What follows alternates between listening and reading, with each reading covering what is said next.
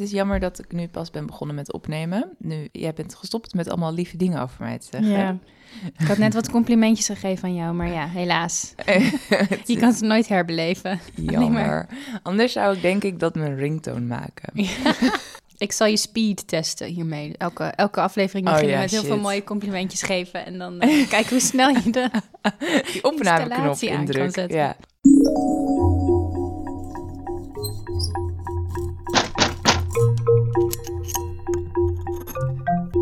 Al sla je me dood. Gaat het met jou, Annelies? Het gaat goed met mij. Ik heb, mijn stem is een heel klein beetje kwijt. Oh, ik hoor het niet echt. Nee? Oh, ik hoor het zelf. Ik voel het vooral. Misschien hoor je het echt niet? Nee, maar heb je zo schuurpapier? Ja. Oh ja, vervelend. Maar goed, de- voor, de rest gaat het vreselijk goed. Geen corona? Ik heb geen corona. Nee, ik Te heb hard gewoon... gegild. Ik hoor het niet. Ja, Maar geinig. misschien... eh, Misschien de luisteraars wel. Ja. Dat is mooi Ik zal, zal ik dan het verhaal vertellen vandaag? Nou, kan jij gewoon af en toe eh, een opmerking maken. idee. Hoe gaat het met de luisteraars? Ja, laat ook even weten hoe het met jullie gaat. Dat willen we ook weten. Maar heeft iemand misschien een ehm, verhaal ingestuurd? Ja, er was een luisteraar die een jaar geleden ongeveer, ehm, toen 26 was, en fietste vaak naar de sportschool een dorpje verderop om daar nou, te sporten. Hè? Logisch. Eh, en ik vond het wel grappig, want hij vertelde dat hij een uur moest fietsen om naar, bij de sportschool te komen. Toen dacht ik, hè, maar dan heb je toch al lang je workout gehad. Ja, Maar dit is blijkbaar echt een sportieve persoon. nou, heel erg. Ja, Ik, nee, ik zou niet op mijn fiets stappen als het een uur duurde en dan daarna nog sporten en dan daarna nog een uur fietsen. precies. Maar Hell goed. no. Ik moet al 40 minuten naar mijn werk fietsen en dat heb ik één jaar volgehouden, soort van. En nu ben ik twee maanden geleden overgestapt naar gewoon met de tram gaan. Oh ja. Dan doe ik er wel echt 20 minuten langer over, want ik moet overstappen en zo. Maar ik zit, weet je. Ja, ik begrijp Ik kom dat. niet zweterig aan, helemaal na 100.000 omleidingen van Amsterdam Ja, natuurlijk. Daarom ga je ook verhuizen, toch? Zodat je een Ja. goed excuus hebt. Hoef ik nooit meer te ja. fietsen. Nou ja, eh, hij deed met eh, veel plezier de fietstocht. Dit vond ik heel leuk. Hij is een beter persoon dan ik. Nee. en ook dan ik, maar dat is natuurlijk niet moeilijk te bereiken. Maar hij zei, dan heb ik een beetje me-time Oké. in tijdens de fietstocht. En dan had hij altijd soort broodjes, nam hij dan mee. En dan halverwege was het een heel mooie plek waar hij op een bankje kon zitten. En dan ging hij even een soort pauzemomentje nemen en zijn broodjes eten en van het uitzicht genieten.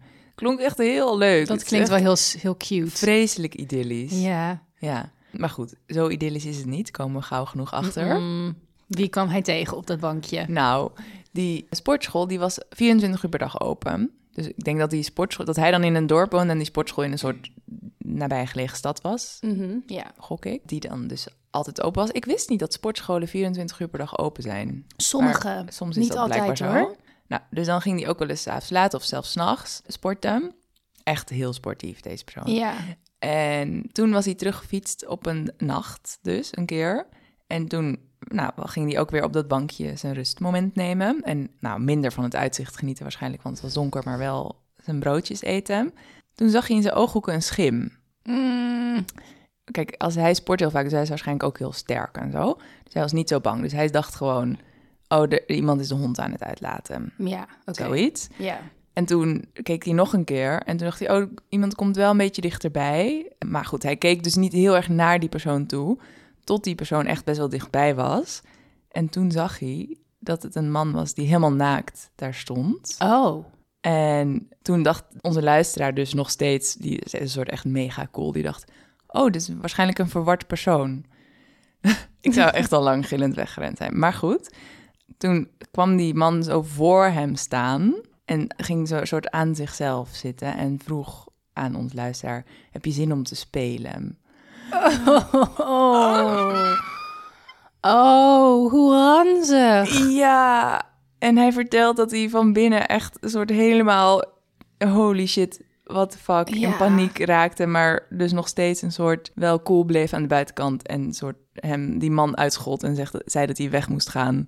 En heel dreigend dat ook, nou ja, tegen die man zei. En toen werkte dat gelukkig wel. En is die man weggegaan. Als naakte man zijnde, dat je dan gewoon ergens... Want ik neem, ik neem aan dat het niet heel erg druk bevolkt was, zeg maar. Het was ook midden Nee, in de nacht. Precies. Dus dan ga je, doe je al je kleren uit. Dan ga je om, ah, zeg maar twee uur, drie uur s'nachts. ga je naar buiten en dan loop je rond totdat je iemand ziet. En Ja. daar ga je dan aan vragen, wil je met me spelen? Hoe raar is dat? Dit is best wel raar, hè? Ik dacht nog, misschien is het een soort cruiseplek en wist onze luisteraar dat niet. Dat zou Oh, Ja, nog kunnen, zou maar kunnen. Lijkt me ook dat meestal weet je dat wel een beetje. Toch als je in een, ergens in een dorp woont, dan weet je wel een beetje in de buurt. En vooral als hij daar vaker langs Precies, komt. dan, had je dat wel eens eerder gezien. Ja. Ja. dus dat is het misschien niet. Misschien is het iemand die hem daar zag zitten en toen heel snel al zijn kleren uitgetrokken heeft. Ik vond het trouwens heel leuk dat jij net zei, als naakte man zijnde. Ja, dat ben ik nooit. Maar... Nee, ik ben dat ook nooit. Maar inderdaad, dan, de- ik gok dus dat er een moment is geweest dat die man daar, dat het misschien een beetje toevallig was, maar dat hij dacht, hé, hey, daar zit iemand, ik ga al mijn kleren uittrekken. Het is ook, Ik vind het wel knap dat onze luisteraar zo cool is gebleven. En Vind hem ik gewoon heeft uitgescholden. Ja. Hij zei wel dat zijn eetlust bedorven was. Ja, ik kan me voorstellen dat hij dat broodje even niet meer wilde. Nee.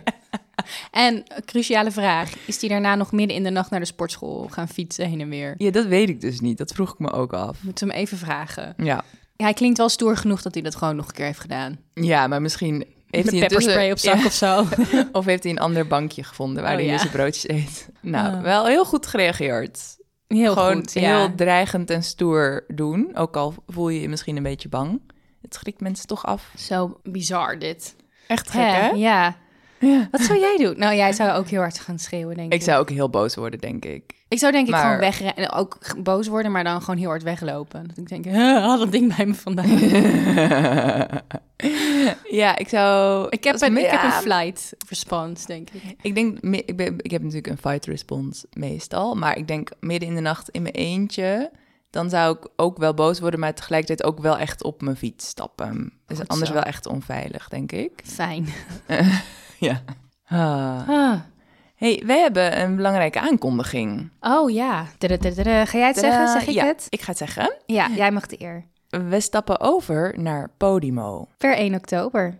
Yes, dit is al bijna en daar hebben we heel veel zin in. En dat betekent een paar praktische dingen natuurlijk, zoals dat onze afleveringen na 1 oktober niet meer op andere platforms verschijnen. Op een paar na. We laten er een paar achter. Ja. Eh, voor iedereen. Een stuk of acht hadden we uitgekozen, geloof ik. Tien. Ja, zoiets. Dus Ehm, onze, eigenlijk zijn dat onze allerlievelings. Dus die, als Die kan je altijd nog beluisteren. Ja, eindeloos herhalen. Maar het leukste is natuurlijk als je ook bij Podimo komt luisteren bij ons. Dat is namelijk een heel tof platform waar wij gewoon heel erg in geloven, omdat makers betaald worden voor de content die zij maken. Wat natuurlijk op open platforms niet zo is. En ze- ja, we hebben daar ook de kans om een heleboel leuke nieuwe dingen te doen. Dus vanaf 1 oktober kan je al onze andere afleveringen en alle nieuwe afleveringen exclusief beluisteren op Podimo. En we zijn ook nog een heleboel leuke plannen aan het smeden om met nog meer extra's en leuks te komen. Dus blijf ons daar vooral volgen.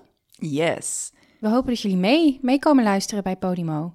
En wat ook natuurlijk heel leuk is als je een Podimo-account neemt, is dat je behalve naar ons ook nog naar heel veel andere exclusieve podcasts kan luisteren. Er staat echt heel veel tofs op. Ook heel veel andere toffe true crime podcasts, maar ook heel andere podcasts. Want ik kan me voorstellen dat je af en toe ook een keer iets minder engs wil luisteren. Ja, en het zijn hele leuke mensen daar en eh, we, we hebben er heel veel zin in. Dus ja, Ja.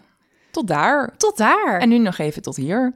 Wij gaan deze week met het verhaal naar Pakistan. Zijn we nog nooit geweest met de Ja. podcast, dus ik heb er heel veel zin in. Maar goed, ik weet ook echt heel weinig over Pakistan. ja, nou, je, je weet hierna misschien nog steeds heel weinig over Pakistan, Oh. maar je weet wel iets over een hele beroemde zaak uit Pakistan. Oké, ja. Maar ik wilde wel heel even stilstaan bij die ontzettende grote, grote, grote, grote klimaatramp die zich daar nu ja. ehm, voordoet. Ik leek me niet fijn om luchtig over Pakistan te gaan praten, terwijl er echt miljoenen mensen zonder huis zitten, duizenden mensen hun leven zijn verloren en de, een- volgens mij twee derde van het land, een derde van het land staat onder water. Mhm. Dus eh, ik heb Ja. zelf al gisteren eh, een donatie gedaan. Ehm, Oh, waar kun je dat doen? Niet. Nou ja, dat kan je. Wij hebben het bij, eh, bij UNICEF gedaan, maar je kan het overal doen. Bij alle grote Rode Kruis bijvoorbeeld kan je dat ook doen. World Food Program heeft er ook een, Flood Appeal. Dus ja, er zijn ehm, allerlei plaatsen waar je dat kan doen. Hoeft natuurlijk niet. Maar ja, ik vind het echt schijnend wat daar gebeurt. En ook, nou ja, dat wordt natuurlijk vaak gezegd, maar zo jammer dat er nu dan veel meer aandacht is voor een nieuwe rechtse premier in Groot-Brittannië dan er is voor de Ja. miljoenen mensen die daar Ja, een is- ontzettende gigantische ramp meemaken. En natuurlijk de klimaatcrisis die dat allemaal heeft voortgebracht. Ja, maar het is natuurlijk handiger als we dat allemaal een beetje negeren. En dat, dat uh, doen we dan met z'n allen. Ja, het voelt er denk ik ook, nou ja, dan ga ik nu natuurlijk te veel andere richtingen op. Kan je er allemaal uitknippen, Annelies. Maar het voelt natuurlijk ook, het ene staat dichter bij je fysiek dan het andere. Ja, en het tuurlijk. ene raak je meer dan het andere in je dagelijks leven. Maar dat betekent niet dat we niet daar even stil bij kunnen staan en het kleine beetje hulp dat wij kunnen geven, kunnen geven. Ja, Dus- vind ik ook. Goed gezegd.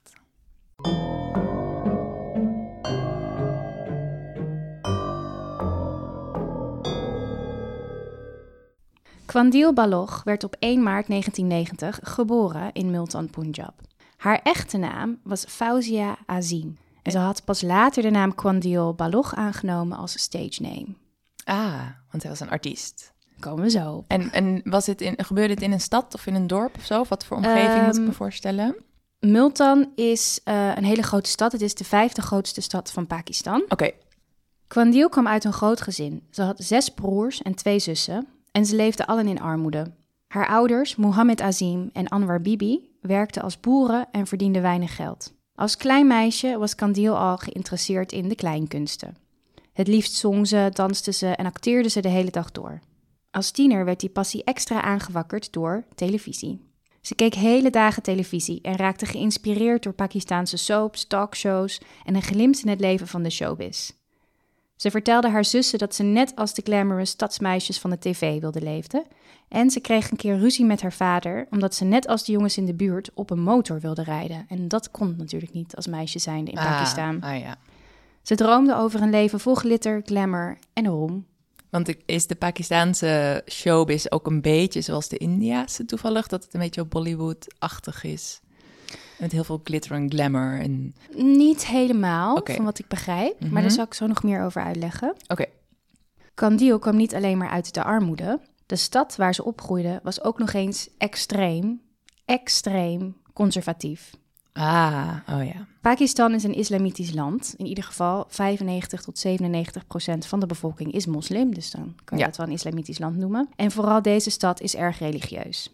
In een BBC-documentaire over deze zaak is te zien dat in de straten van Multan vrouwen bijna volledig bedekt over straat gaan. Zelfs hun ogen zijn bedekt. Ah ja, dus dan is dansen en met glitter en op een motor rijden is een beetje ver gegrepen. Precies. Er is een gezegde in de stad dat je vrouwen beter geen schoenen kunt geven. Want dan kun je er zeker van zijn dat ze vroom naar de grond blijven kijken. Oh, wauw. In tegenstelling tot omhoog kijken en per ongeluk oogcontact maken met een man, wat als niet vroom wordt gezien. En natuurlijk de schuld van de vrouw dan is als er wat misgaat. Ja. Ja. In het hele land gaat het met de vrouwenrechten niet goed. Pakistan staat op nummer 6 in de lijst van meest gevaarlijke landen voor vrouwen, opgesteld door Plan International.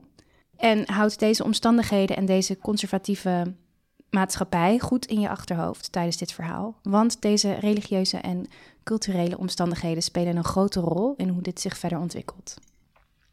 Kandil werd dus, zoals vele vrouwen in Multan, als 18-jarig meisje uitgehuwelijkt aan een neef van haar moeder, een iets oudere man genaamd Ashik Hussein. Kandil smeekte haar vader om haar niet uit te huwelijken, maar hij stond erop. Er is weinig bekend over deze relatie, maar Kandil beweerde later dat haar man gewelddadig was en haar vaak emotioneel en fysiek mishandelde. Oh, wat. Ashik zelf ontkent dit trouwens. Oké. Maar ja, ik denk dan altijd meteen bij uithuwelijken, denk ik dat dat heel verschrikkelijk is. Het blijkt overigens wel dat, eh, dat het gemiddeld mensen even gelukkig zijn met hun relatie, of je nou uitgehuwelijkt wordt of niet. Ja, ik denk dat het ook ligt in of je het zelf wil, natuurlijk. En, Ja, en of jij enigszins een keuze krijgt in met wie je uitgehuwelijkt wordt. Ja. Of, en hoe je opgevoed bent. Ja. Maar in dit geval kan Deal die droomde over een ander leven en die wilde eigenlijk niet. Ja, precies. Uitgehuwelijkt worden. Ja, die wilde gewoon echt iets heel anders. Maar ik kan me ook wel voorstellen, als je uit zo'n conservatieve omgeving komt, dat je als vader zijnde, dit is het beste voor je dochter in zo'n situatie. Ja, dat, Dus- dat kan ik ook wel weer begrijpen. Ja. Dat is gewoon het enige wat je dan kent. Ja, precies. Ja, en oh ja, dat is dus een grappig feitje. Het schijnt dus dat bij huwelijken zoals wij die hier hebben, dan heb je natuurlijk heel vaak bij eerst heel verliefd en dan is er alle liefde en dan daarna komt zeg maar de soort serieuze dingen en kan het eigenlijk alleen nog maar minder worden vanaf super verliefd. Terwijl bij uitgehuwelijkte huwelijken dan begint het met eigenlijk niks. Dus dan kan het alleen maar beter worden. Ja. Dus dat is wel een grappig nou, verschil. grappig dat je het zegt, want een van mijn beste vriendinnetjes die is eh, een paar weken geleden getrouwd. Oh, Ehm, ook uitgehuwelijkt? Moet je nee. er daar maar aan denken? Niet uitgehuwelijkt, maar ze is getrouwd met een, met een eh, nou ja, haar vriend. En daar zijn ze al, is volgens mij ze al vier of vijf jaar mee samen. Vijf jaar geloof ik. Maar ze was altijd heel erg van, Dave, weet je wel, over haar relatie. Ja. Van, oh, Dave.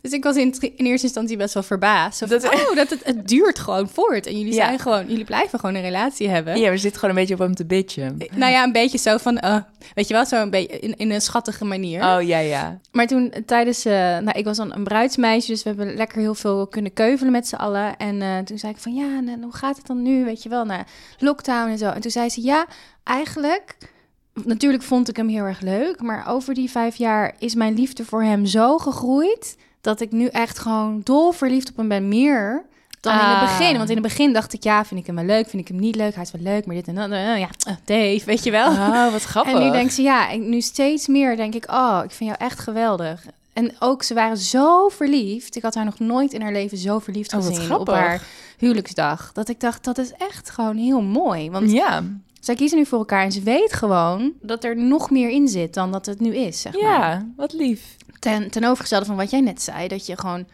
uit elkaar spat van verliefdheid. En dan daarna moet je eigenlijk het echte leven tackelen samen. En dat is dan Ja. een beetje vervelend soms. Ja, precies. Oh, dus misschien is het een goede tip, ehm naar aanleiding van dit verhaal, om te kiezen voor iemand waar je niet per se super verliefd op bent, maar die verder wel gewoon een heel leuk persoon is. En dan kun je zo lekker, dan is het een soort van half uitgehuwelijkt zijn. Ik geef geen tips over de liefde.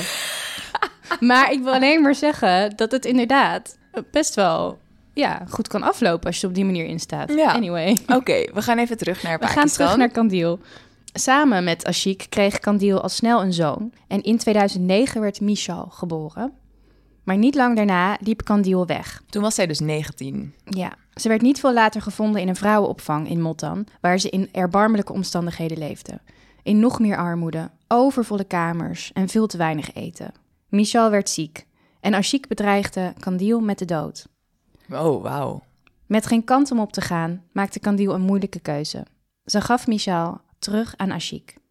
Ze hoopte dat ze hem later weer zou kunnen ophalen. Maar Ashik verbood het haar om haar zoon te zien en ze zag Michal nooit meer terug. Wauw. Weglopen is een enorme schande voor de familie en haar ouders, broers en zussen verbraken hun relatie met Kandil.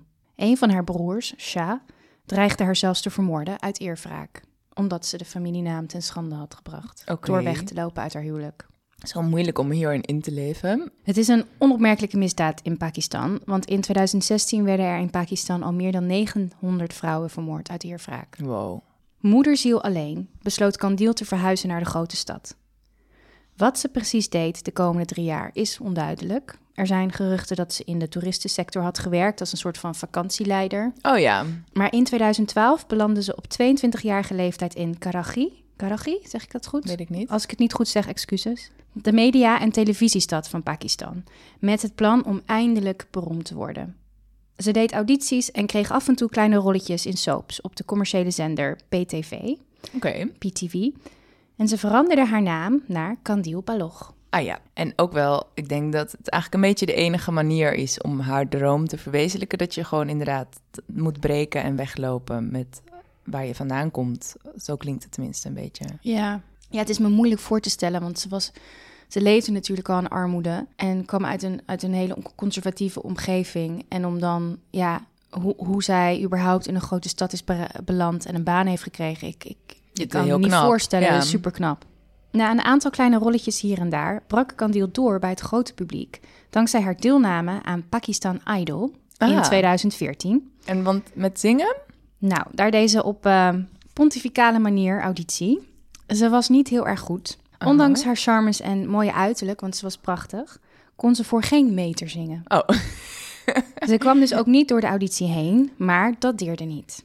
Het was haar eerste stap naar bekendheid. Oh, dus, dus ze was- werd meer beroemd omdat ze zo leuk was te- tijdens die auditie. Ja, je kan die. Ik had ook nog wel kijken of ik het kan linken in onze Instagram-pagina. Eh, je kan haar auditie gewoon nog bekijken. Ja. Ik verstond er weinig van, maar het is echt zo'n typische idol-auditie zoals wij die ook kennen. Met gewoon Oh, ja. van die hele flamboyante figuren. Ja. Zij is echt zo'n flamboyant karakter Uh-huh. die dan gewoon heel erg extravert auditie staat te doen en vol overtuiging vast. Oh ja. is heel leuk. Dat zeg maar, echt zo'n Ja. klassieke auditie. Precies, dat iemand in ieder geval gewoon heel erg aan het genieten is. Ja, en ik Ja. denk ook stiekem dat ze dit, dat ze echt wel wist dat ze niet kon zingen, maar dat ze deed voor haar 15 Minutes of Fame. Gewoon Ja, ja, ja. om haar stage te pakken en zichzelf kenbaar te maken. Ja, En ze had ook een, een knalroze legging aan en een soort van groene tuniek. Weet je wel, Oh, ja. van, die, van die halve jurkjes die vroeger eh, een soort van in waren. ja. En ze had bakken vol zelfvertrouwen. Maar in het licht van Pakistan was haar optreden ontzettend out of the box en zelfs provocatief, want ze gedroeg zich heel erg vrij. Ze flirte met de jury en ze was niet de standaard vrome gelovige vrouw. Want de, de, de meeste mensen die auditie deden waren ook dus wel heel erg keurig en bedekt en zo. Nou, ik heb nog één andere auditie gezien van een man die inderdaad gewoon vrij standaard was. Ik, ik, kan me, ja, Mm. ik denk dat er best wel wat andere flamboy- flamboyante en extraverte karakters tussen zaten. Maar als vrouw zijnde in Pakistan was het gewoon vrij uniek als je je op zo'n manier tentoonstelde, zeg maar, in Ja. die tijd. En Oké. nog steeds eigenlijk, want we hebben het over acht jaar geleden. Ja, niet heel lang geleden Nee. inderdaad. En het werkte, want na dit optreden werd ze steeds bekender. Ze gebruikte social media, waar ze filmpjes plaatste van zichzelf in sexy posities, met van die sexy filtertjes. En ze zei Mhm. uitdagende dingen. Ze danste bijvoorbeeld in bikini, ze twerkte, ze filmde zichzelf in bad. Oh ja, dus eigenlijk alles wat voor ons in het Westen best wel normaal is, zeg maar. Ja, social media account Ja. van een 22, 23-jarige Precies. vrouw die Ja. mooi is en Ja. die vrij in de wereld staat. Maar voor Pakistan Ja, niet. Heel erg buitengewoon. Haar bekendste filmpje, de eerste die miljoenen views op YouTube kreeg, heet How I'm Looking. En daarin kijkt ze 20 seconden zwoel naar de camera, terwijl ze aan een man vraagt die achter haar staat hoe ze eruit ziet. En ze vist naar complimentjes van hem. Mhm. Oké. Het werd ook een beetje haar catchphrase, How I Looking. Ze bracht het in meerdere filmpjes terug. Als wij er naar kijken, is het allemaal vrij standaard en zelfs nog wel een beetje onschuldig. Ja. Ehm, maar voor Pakistaanse begrippen was dit redelijk over de top en ehm, op het randje van schandalig. Maar veel jonge vrouwen vonden het leuk. De flirtige, grappige, maar zelfbewuste manier van Kandil. Dus ze kreeg heel veel vrouwelijke volgers. Maar er waren ook intense haters die dus spraken van schande en die zeiden dat dit niet de plek voor de vrouw was. Een vrouw hoort namelijk in huis te werken en niet op social media te zitten. En al helemaal niet natuurlijk met weinig kleren en uitdagende dingen en al, alles wat ze doet. Ik vind het trouwens eigenlijk best wel dapper. Want eh, zeg maar, ieder 22-jarig Nederlands meisje die dit doet, denk ik, oké, tuurlijk. Bedoel, zij weet ook dat, hoe dat ontvangen wordt waar zij is. Dus om dat dan toch gewoon door te zetten en gewoon te denken, ik, ik wil dit gewoon doen en ik wil me vrij voelen. Dat, eigenlijk vind ik dat heel dapper. Ja, en het is ook, ik zal er wat meer over vertellen ook nog later in het verhaal. Maar ze is een heel interessant persoon voor mij. Ik probeerde ook een beetje te kijken van. Ze weet natuurlijk dat ze iets doet wat controversieel is. Ja. Maar aan de andere kant is ze ergens ook best wel naïef, denk ik. In de zin van dat ze niet doorheeft hoe dit kan uitpakken voor haar, zeg maar. Ja, en hoe veel mensen dat uiteindelijk misschien te zien krijgen, Ja. jouw kleine YouTube-account. Nou ja, dat werd vrij groot, haar Ja, precies. YouTube-account. Ja. Eh, en ze kreeg ook de bijnaam de Pakistaanse Kim Kardashian. Oké. Nou ja, en dit is natuurlijk ook, dan, dan word je een soort beroemd, dan, daar wil je ook niet van terug. Ja. Het kon Kandil niet deren. Ze genoot van de aandacht, positief en negatief. En hoewel sommige filmpjes redelijk impulsief overkomen, waren ze allemaal tot in de puntjes uitbedacht door Kandil. Toen haar volgers groeiden, kwamen ook de aanbiedingen van merken die met haar wilden samenwerken. Ze werd een echte influencer en begon bakken met geld te verdienen. Ze kon een eigen appartement in Karachi kopen, een auto, dure kleding, noem het maar op. Inmiddels had Kandil ook de band met haar ouders en familie weer hersteld. Ah, Hoewel ze, nadat ze was weggelopen, in eerste instantie volledig volgens traditie en cultuur verbannen was, was het contact met haar ouders toch weer op gang gekomen.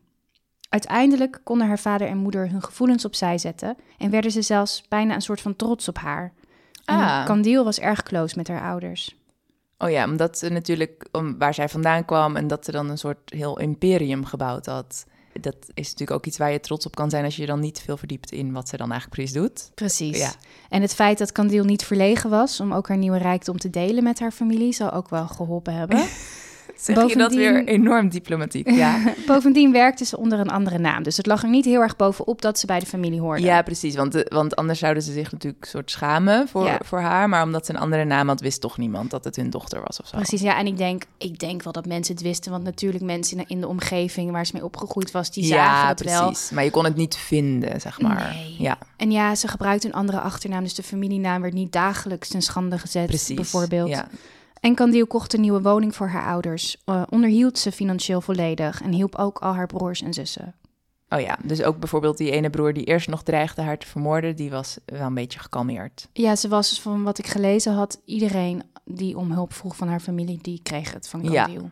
En wat echt heel erg knap is, dit meisje heeft zich letterlijk uit het niets naar boven gewerkt. Ehm, ja. Ongeacht of het je smaak is en of je het leuk vindt. Kijk, ik heb persoonlijk niks met zulke accounts. Ze is compleet self-made, onder verschrikkelijk moeilijke omstandigheden. En onderhield nu in haar eentje haar hele familie. Haar familie die haar heeft tegengehouden om dit te bereiken. En waar ze van is moeten vluchten. Dus ja. dat is ook nog een soort heel groot hart heb je dan. Ja, en ook je familie financieel onderhouden is natuurlijk iets wat normaal in Pakistaanse gezinnen de taak van de mannen zou moeten zijn. Ja. Dus als vrouw om dat te doen is al ontzettend uniek. Haar influencer-levensstijl en controversiële video's en verschijning brachten een sociale en culturele discussie op gang over de vrijheid en gelijkheid van meisjes en vrouwen in Pakistan. Wat goed. En hoewel activisme helemaal niet echt op Kandiel's agenda stond, werd ze met haar tijd een soort van boegbeeld voor vrouwenrechten voor sommigen. Ze werd misschien ook gebruikt als voorbeeld of. Precies, en het was iets waar ze zichzelf weinig van bewust was. Of in ieder geval, ze gaf er niet al te veel aandacht aan. Maar hoe meer haar ster groeide, hoe meer ze toch ook, zeg maar, hoe meer ze beroemder werd, hoe meer ze toch ook wel bepaalde dingen ging aanstippen. Zo van, waarom mag ik dat, zou ik dat als vrouw niet kunnen? Dus dat die dingen maakten ze soms op lichte manieren toch bespreekbaar. Ja, ik kan me voorstellen dat als je eenmaal dan zo beroemd wordt, dat je er ook niet meer omheen kan. Ook al was dat niet misschien je initiële idee om heel activistisch te worden. Ja, en ze is nooit heel erg activistisch mm. geweest hoor. Ja. Tegen het einde van 2015 stond ze in de top 10 van de meest gegoogelde personen in Pakistan. Ze verscheen regelmatig in talkshows en verzon hele media- en PR-campagnes om zichzelf in de spotlight te zetten en te houden. Zo voerde ze bijvoorbeeld een campagne om met Imran Khan, en dat is een vooraanstaande politici en een voormalige cricketspeler, en cricket is trouwens de populairste sport in Pakistan, om met hem te trouwen. Toen oh. Khan bekend maakte dat zijn tweede huwelijk was gestrand, gaf ze letterlijk een persconferentie en maakte ze video's waarin ze aan hem vroeg of ze zijn derde vrouw kon worden. wat Vrij briljant. Ja, maar zij kenden elkaar dus helemaal niet. Nee. Nee, nee, oh, wat grappig. Maar Imran Khan was, zoals ik het begrijp... Het is ook wel iemand die ook internationaal heel erg bekend is. Die, die was echt gewoon een soort van Brad Pitt voor haar. Die wilde, daar wilde zij gewoon mee trouwen. Dus ze dacht, nou, wat ga ik doen? Ja. Ik ga gewoon een persconferentie geven... waarin ik hem ten huwelijk vraag. En allemaal filmpjes gemaakt op YouTube. Nou, de media die verslond dat natuurlijk. Die vond het geweldig. En was dit ook gewoon wel echt een best leuke man? Of was het ook heel sarcastisch... omdat hij een soort heel conservatief was of zo? Nou, het is, eh, hij was gewoon uh, cricketspeler. En cricket is zoals voetbal bij oh ons. Het ja, is ja, gewoon, Mensen adoreren het. Het is de most populairste sport. Dus ik denk dat het ook wel redelijk oprecht was. Maar natuurlijk met een enorme knipoog. Ja, precies. Ja. Hoe bekender ze werd, hoe controversiëler ze werd. En hoe meer ze de grenzen van wat acceptabel was ging opzoeken. En ook hoe minder fax ze gaf, eigenlijk. In maart 2016, toen Pakistan een hele belangrijke cricketmatch tegen India zou spelen, en dat is echt een megadeal, want het is de populairste sport voor beide landen. En er is al een soort van rivaliteit tussen Pakistan en India, natuurlijk. Ja. Dus het was um, nou ja, een hele belangrijke match. De, de, finale WK voetbal voor ons, zeg Precies. Maar. Ja. Maar dan tussen twee landen die toch wel een beetje een Precies. soort van... Ja. Toen maakte Kandil een video waarin ze beloofde een striptease te doen... voor iedereen als Pakistan zou winnen. Oké. Nou, Pakistan won niet en die striptease bleef uit. Maar het choqueerde wel. Mensen vonden dat Candile nu steeds vaker over de grens ging van wat nog enigszins acceptabel was. Maar Candile zag het niet zo. Als mensen haar schandalig noemden, beet ze terug: Waarom kijk je dan naar mijn video's? Nou, dat is echt een briljant antwoord. Want inderdaad, je hoeft niemand uh, wordt hier met een geweer op zijn hoofd verplicht om naar haar te kijken. Absoluut niet. Je kan het gewoon uitzetten. Ja. Dus ze bleef in de media verschijnen met al deze leuke, ludieke acties en campagnes. zijn eigenlijk gewoon meer marketingcampagnes voor zichzelf die ze elke keer bedacht. Ja, jouw marketinghart gaat hier vast ook uh, sneller van kloppen, Sylvia. nou, kijk, dit soort dingen vind, is niet helemaal mijn smaak, moet ik heel eerlijk zeggen. Maar we kennen het natuurlijk. Wij hebben ook zulke types in Nederland rondlopen. en eigenlijk de Kardashians zijn ook een beetje zo. Ja, die zijn ook gewoon een merk geworden. Een merk geworden en die verzinnen dan kleine dramaatjes om zichzelf in de pers te houden. En, uh, In april 2016 volgde er een mediastorm die Candiel uiteindelijk fataal zou worden. Hmm. Candiel, inmiddels 26, was uitgenodigd om deel te nemen aan een comedy nieuwsshow genaamd Ajipsa. De talkshow had een presentator en Candiel was te gast samen met Abdul Kavi, Een 50-jarige moela die frequent op tv was en bekend was over het hele land. En wat is een moela? Een moela is een islamitische geestelijke die de geschriften intensief heeft bestudeerd en door moslims beschouwd wordt als de expert op het gebied van het islamitische geloof. Ah ja, dus het, het is niet per se ehm, iemand die haar heel leuk vindt. Het was dus een match made in controversiële heaven. Candiel werd gevraagd naar haar belofte over de striptease Oh ja, en Kavi werd gevraagd om daarop te reageren. Oh ja, het is ook wel een beetje zo. Nou, wat, wat zou daar uitkomen zeg? Goh. Candiel zat in de studio terwijl Kavi inbelde. En de video staat nog online. Ik snap er weinig van, want ik spreek de taal niet. Ehm, Mhm. Maar volgens een artikel in The Guardian stookte de presentator dus een beetje tussen Candiel en Kavi. Hij deed gewoon zeg maar zo Mm. het vuurtje eronder en hij, Ja. liet, hij zag het zeg maar Ja, branden. klinkt inderdaad ook wel als iets wat een beetje gevaarlijk kan worden. Candiel en Kavi die speelden hun rol, die ze natuurlijk toebedeeld waren. Allebei perfect. Candiel was flirterig als altijd en Kavi reageerde met de voorspelbare religieuze antwoorden van een islamitische geleerde. Aan het einde van het interview zei Kavi terloops dat hij Candiel wel een keer wilde ontmoeten, de volgende keer als hij in Karachi was. Oké, het Het was een terloopse zin, waar verder niemand aandacht aan schonk, tot er in juni een nieuwe video op Candiel's sociale kanalen verscheen. Oh, ze hadden elkaar echt ontmoet. En nog heel even, dit gesprek bleef dus eigenlijk best wel netjes. Het bleef best wel netjes. Oh, ja. waren, ja, Candiel was gewoon aan het flirten. En volgens mij zei de presentator... Oh, Candiel, als je dan toch een striptease doet... wil je niet eentje voor Kavi doen? En dan Ja, zei Kavi... precies. Ja, die reageerde dan gewoon redelijk sec daarop. En Ja, ja, ja. Het, was, Nou, dat is eigenlijk wel goed, want het, bedoel, er zijn gewoon die tegenstellingen. Dus het werd geen schreeuw. eh, Precies, als je daar gewoon een gesprek tussen kan voeren, is eigenlijk ook wel weer een goed voorbeeld dan.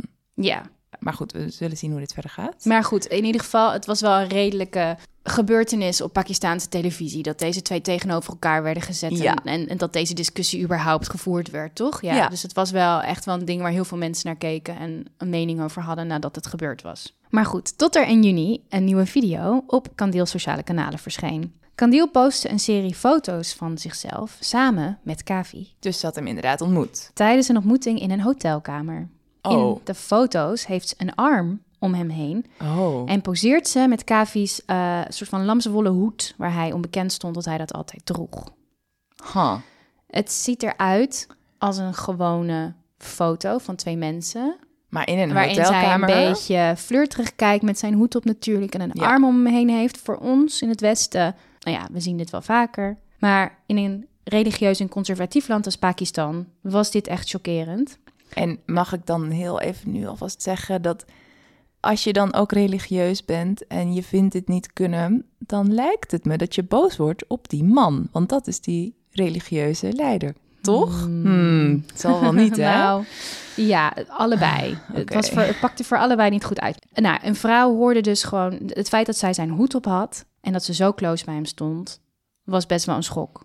En dat was niet alles wat Candiel postte. Er was ook een video van het stel, geschoten door Candiel met een selfie-stick... waarin ze dicht bij de moela zit en flirterig met hem praat.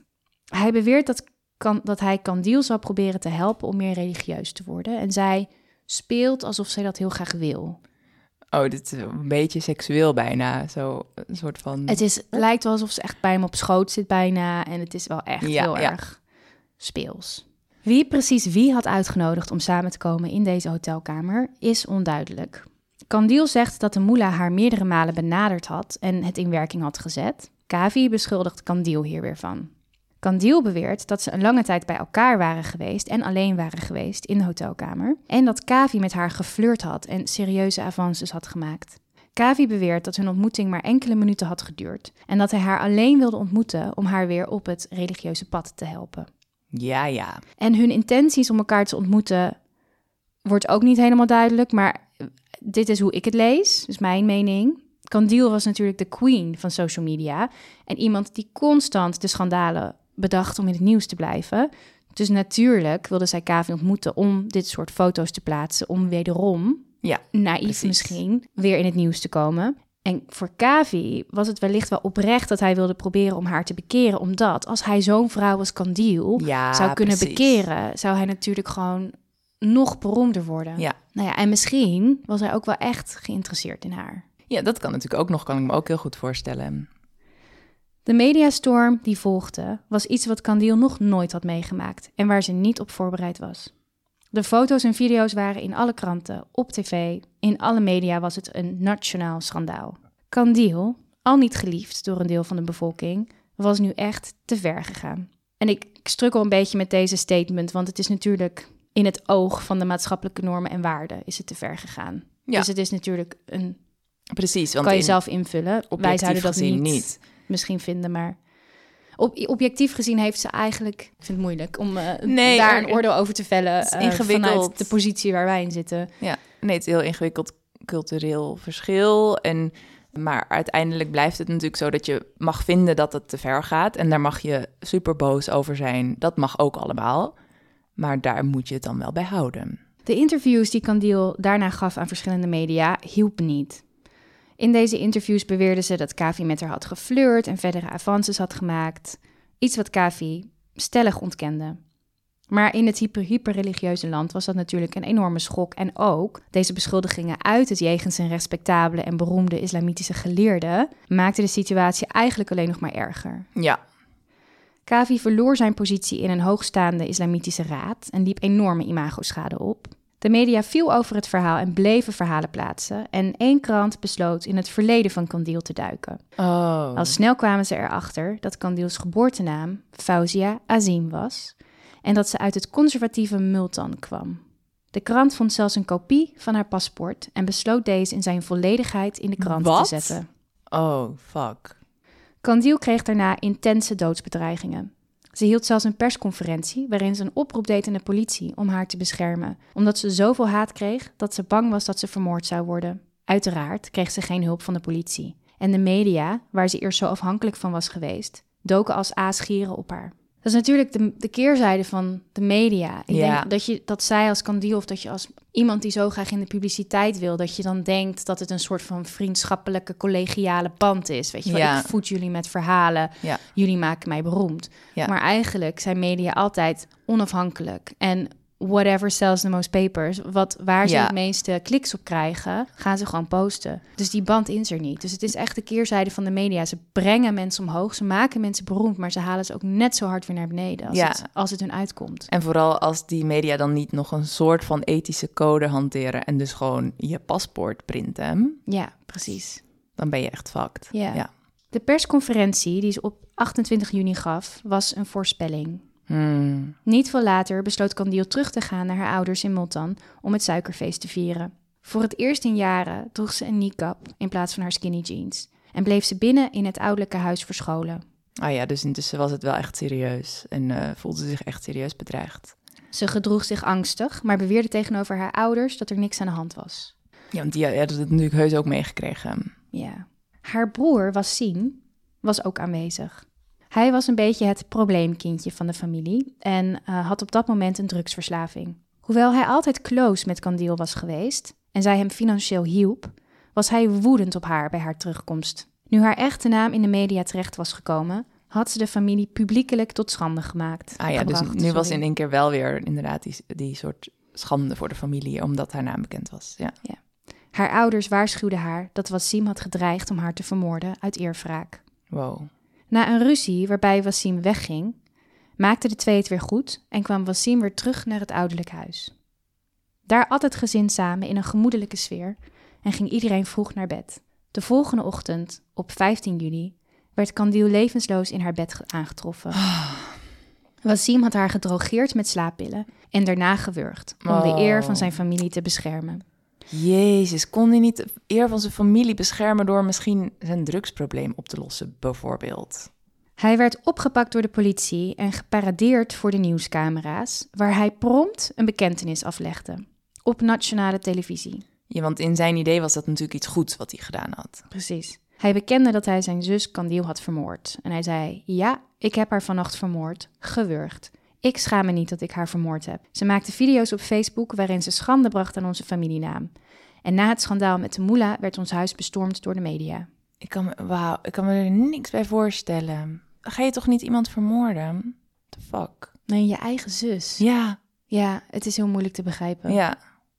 Voordat je denkt dat het gek is dat hij meteen bekend en ook nog eens op nationale televisie. Wassim dacht dat hij zonder straf zou kunnen weglopen van Oh. deze daad. Omdat dit waarschijnlijk vaker gebeurt. En dat mannen daarmee wegkomen als ze hun zus of ander vrouwelijk familielid vermoorden, omdat niemand er naar omkijkt. Nou, voor 2016 was er in Pakistan een wet waarmee moordenaars van eerwraakmoorden konden worden vrijgesproken van hun misdaden als de familieleden van hun slachtoffer hem vergaven. Wauw. Oh my god. En deze eh, wet wakkerde natuurlijk een epidemie van eerwraakmoorden aan in Pakistan, want de familie van het slachtoffer is tevens ook in bijna alle gevallen de familie van de moordenaar. Ja. Familieleden vergeven het elkaar dus. En zo werden er vrijwel geen eerwraakmoorden vervolgd in Pakistan. Oh, dit is echt zo... Oh, ik word hier zo boos van.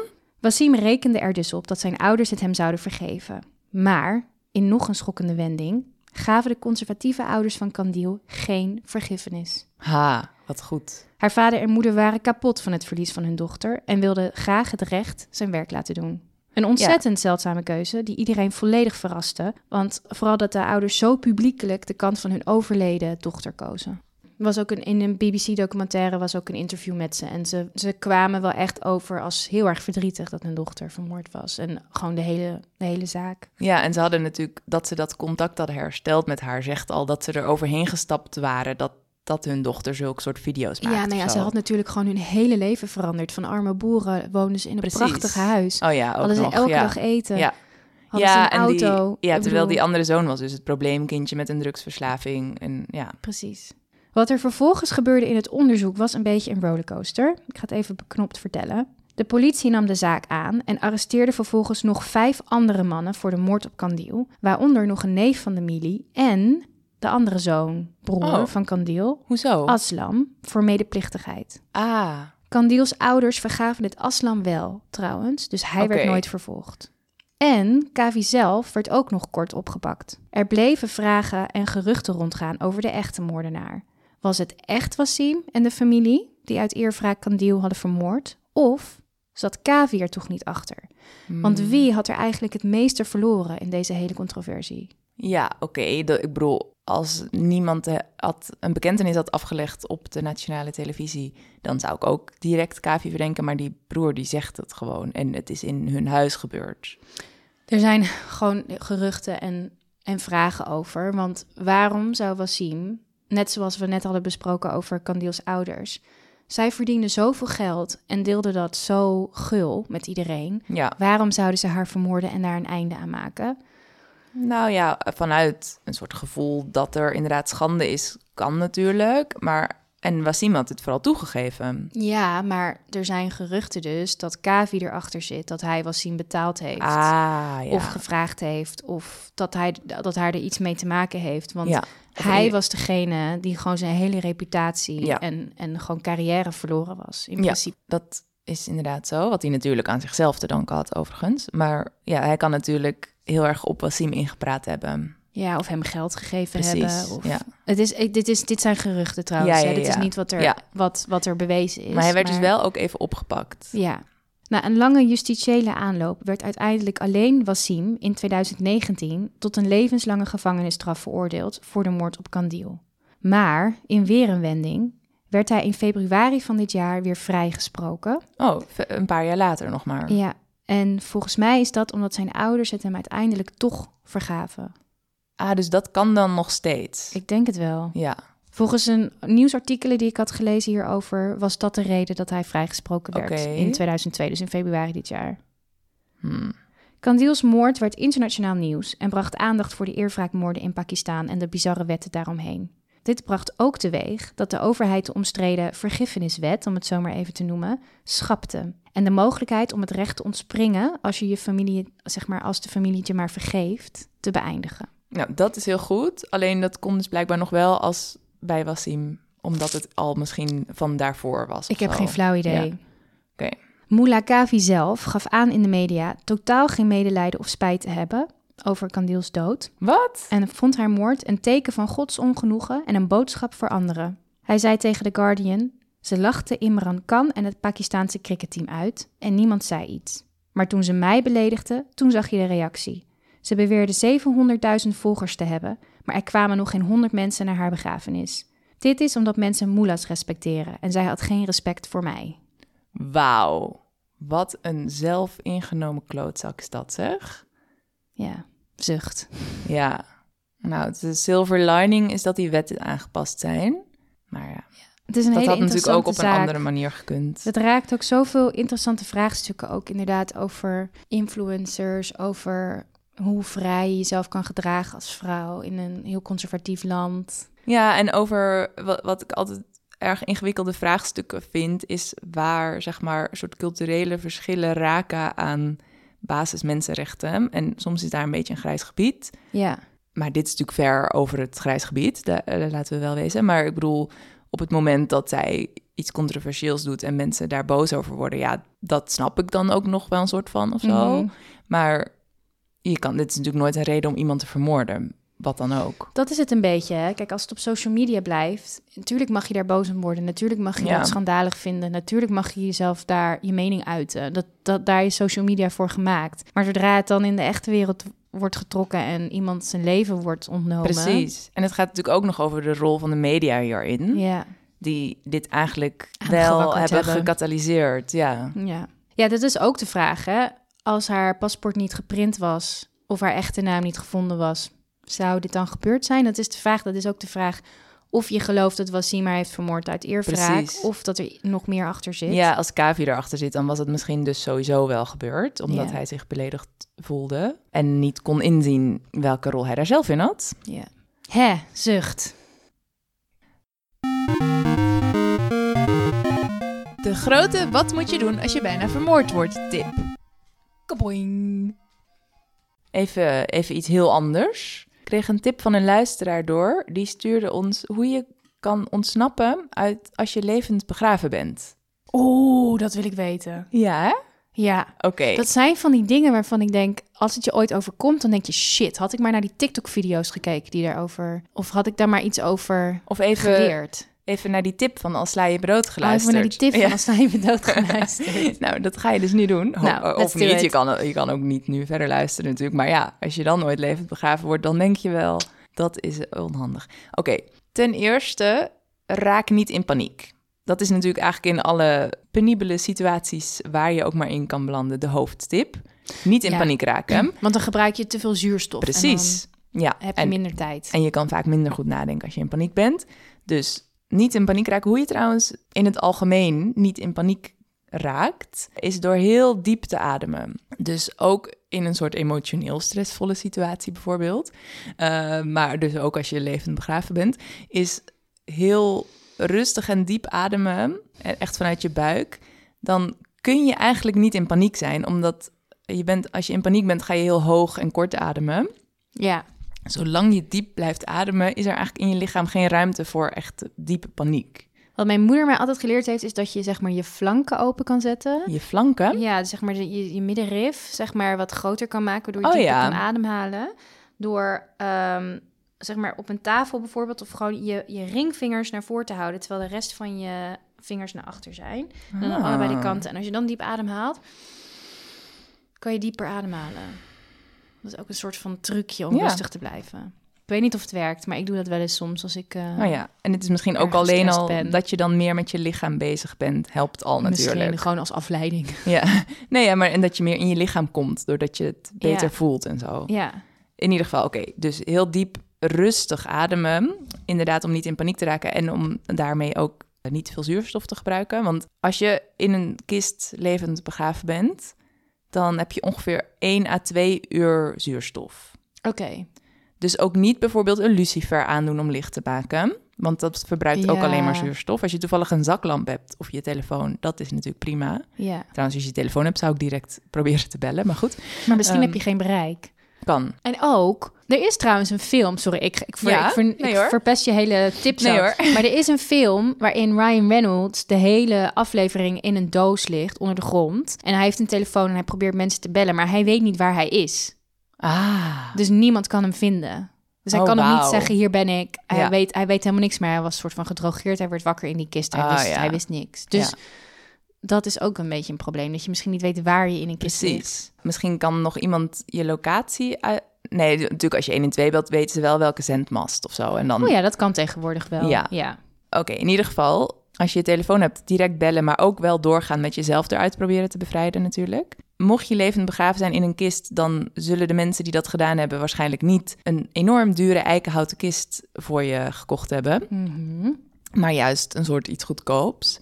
En dat is positief, want dat is hout waar je eigenlijk best wel doorheen kan beuken.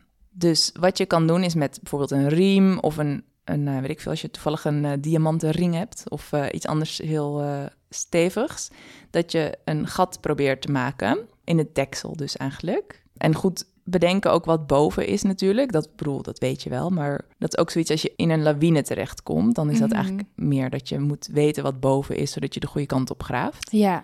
Maar ik denk onder de grond weet je dat wel.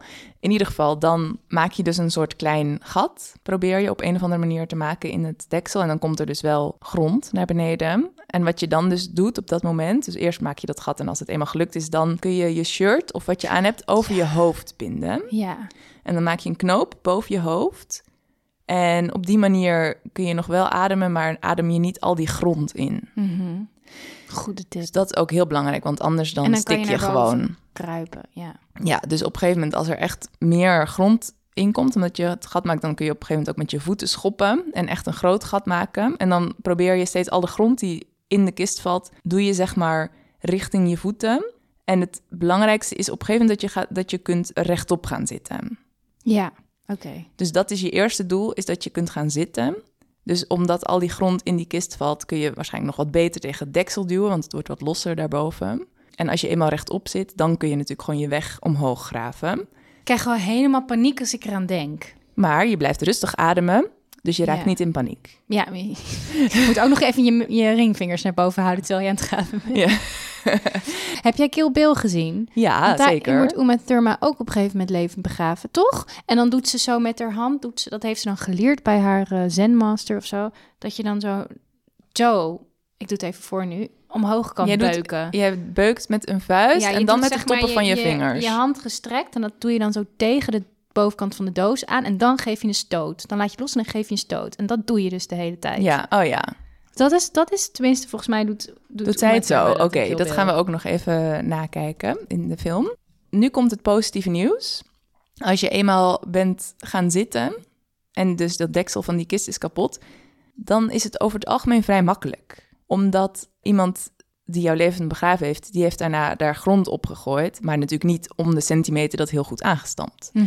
Dus die grond die daarboven zit, dat is waarschijnlijk niet heel lang, een meter of zo. En is waarschijnlijk ook niet, best wel los, Ja, losse ja, grond. ik snap het. Behalve trouwens als het regent. Oh. Maar Maar, dat weet je pas als je een gat hebt gemaakt. precies. En ja, je moet er gewoon uit. Dus. Ja, Maar dan nog is het soort klei modder, Ja. is, kun je wel doorheen komen. oké. Maar het is wat zwaarder. Maar goed, ik zou alle eventuele paniek die je voelt opkomen, kun je natuurlijk proberen om te zetten in gewoon fysieke kracht. Hmm. Dus gat in het deksel maken, voorzichtig zijn met je zuurstof en je shirt over je hoofd binden, zodat je Ik eh, wil er niet stikt. niet aan denken. Tot het moment dat, eh, dat het zover is, Sylvia. En dan ben je toch blij dat ik dit nu aan je verteld heb. Nou, het was weer een gezellige aflevering. ik heb weer een nieuwe nachtmerrie erbij. In Oh. dat geval hebben we voor een allerlaatste keer detectives die we gaan bedanken. Ja, ehm, de detectives weten dit al, maar wij gaan onze petje afpagina sluiten. Omdat we nu bij Podimo. En we gewoon alles wat we gaan doen bij Podimo doen. Maar niet getreurd, iedereen die een petje af account heeft, die krijgt sowieso een jaar gratis Podimo. Dus dat wordt allemaal overgezet. Dus ja, dit is de laatste keer dat we detectives gaan bedanken. En echt oprecht. Zo ontzettend veel dank aan alle detectives en alle mensen die lid zijn geworden van Petje Af. Of die ons eenmalig gesteund hebben. Of het heeft ons echt gewoon de laatste anderhalf jaar er doorheen gesleept. Want anders hadden wij dit niet kunnen blijven doen. Klopt. Dus, Ja, nee, het is echt maar zo overweldigend iedere keer. Hoe Oh. bi- bijzonder en lief en alle berichten die mensen ons sturen. En überhaupt dat zoveel mensen ons op petje afgesteund hebben. Dat voelt echt, echt heel bijzonder en warm en heel geweldig. En het was ook zo'n leuk avontuur met, met alle bonussen die we gemaakt hebben en specials en, en leuke weggeefacties. En ja, alle grappige dingen die we daar konden doen en uittesten. En waar we leuke feedback op kregen. En Dat was echt fantastisch. En alle post die we verstuurd hebben. En We ik- slash Annelies. alles wat ik geleerd heb over de topografie van Nederland. Over Ja. sommige super grappige straatnamen of, of namen van plaatsen die mensen hebben. Daar heb ik me ook erg mee vermaakt. In de welkomstpost. Nou, de allerlaatste detectives. Bittersweet. Ja, we beginnen even met de laatste eenmalige donaties. Mhm. Super bedankt daarvoor Strauss, Demi en Judith. Dank jullie wel. Dank jullie wel. En natuurlijk heel veel dank aan de laatste detectives. Isa, Hanne, Justina, Eva, Amber, Christine, Bo, Nina, Elise, Lin, Lea, Danielle Kim. en de aller allerlaatste detective, Amber. Dank jullie wel allemaal. Ja, dank jullie wel. Nou, we hebben hierna nog één aflevering, geloof ik. En dan ehm, zijn we te beluisteren op Podimo. Klopt. En je kan ons nog steeds altijd vinden op Instagram. Ja, daar blijven we natuurlijk gewoon wel ook nog. En daar kun je ons berichten sturen en eh, verhalen wat jullie meegemaakt hebben. En al dat soort dingen, dat blijft gewoon hetzelfde. Gelukkig blijft er ook iets hetzelfde. Yay! En blijf dat vooral doen, want dat vinden we superleuk. Ja. Nou, tot daar en, eh, en tot de volgende keer. Oké. Doei! Doei!